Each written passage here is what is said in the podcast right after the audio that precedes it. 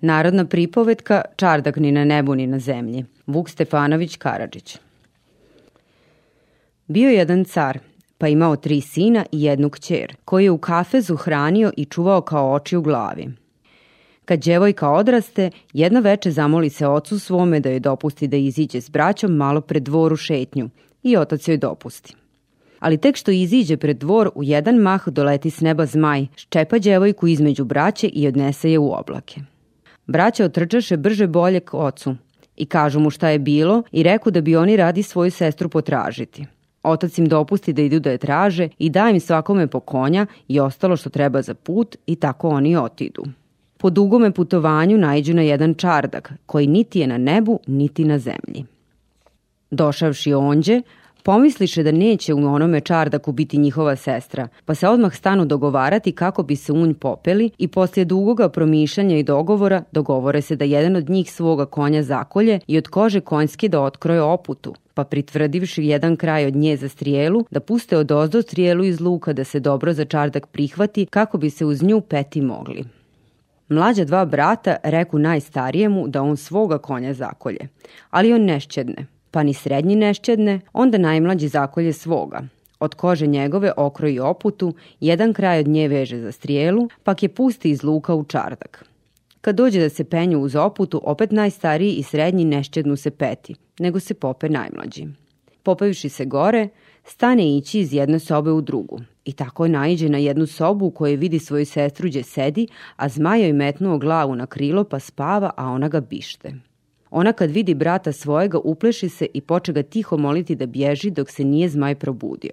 Ali on ne šćedne, već uzme buzdovan pa razmahne njime i udari zmaja u glavu, a zmaj iz sna maši se rukom na ono mesto gdje ga je on udario pa reče djevojci.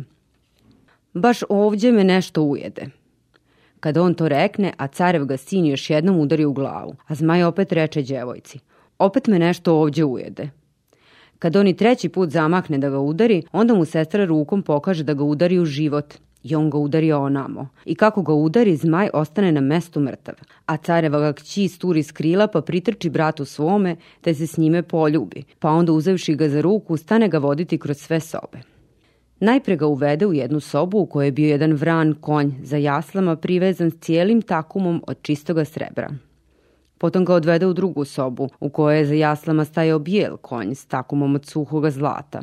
Najposle ga odvede u treću sobu, gdje je za jaslama bio kulatast konj i na njemu takum dragijim kamenjem iskićen.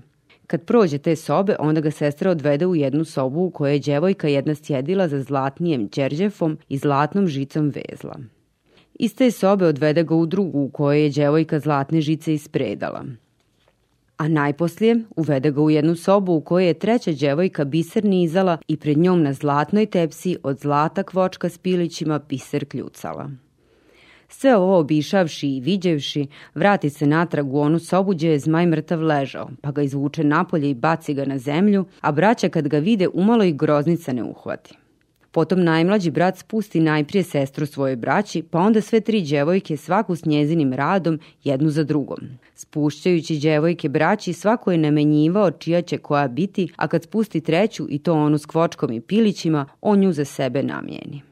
Braća njegova, zavideći mu što je on bio junak te je sestru našao i izbavio, presjeku oputu da on ne bi mogao sići. Pa onda nađu u polju jedno čobanče kod ovaca i preobuku ga i mjesto brata svoga ocu ga povedu. I sestri svoje i djevojkama ošto zaprijete da nikome ne kazuju šta su oni učinili.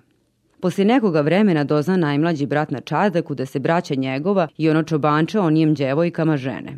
Ona isti dan u koji se najstariji brat vjenčavao, on uzješe na vranca, pa baš kad su svatovi iz crkve izlazili doleti među njih, te svoga brata mladoženju udari malo buzdovanom u leđa, da se odmah s konja premetnuo, pa onda odleti opet natrag u čardak.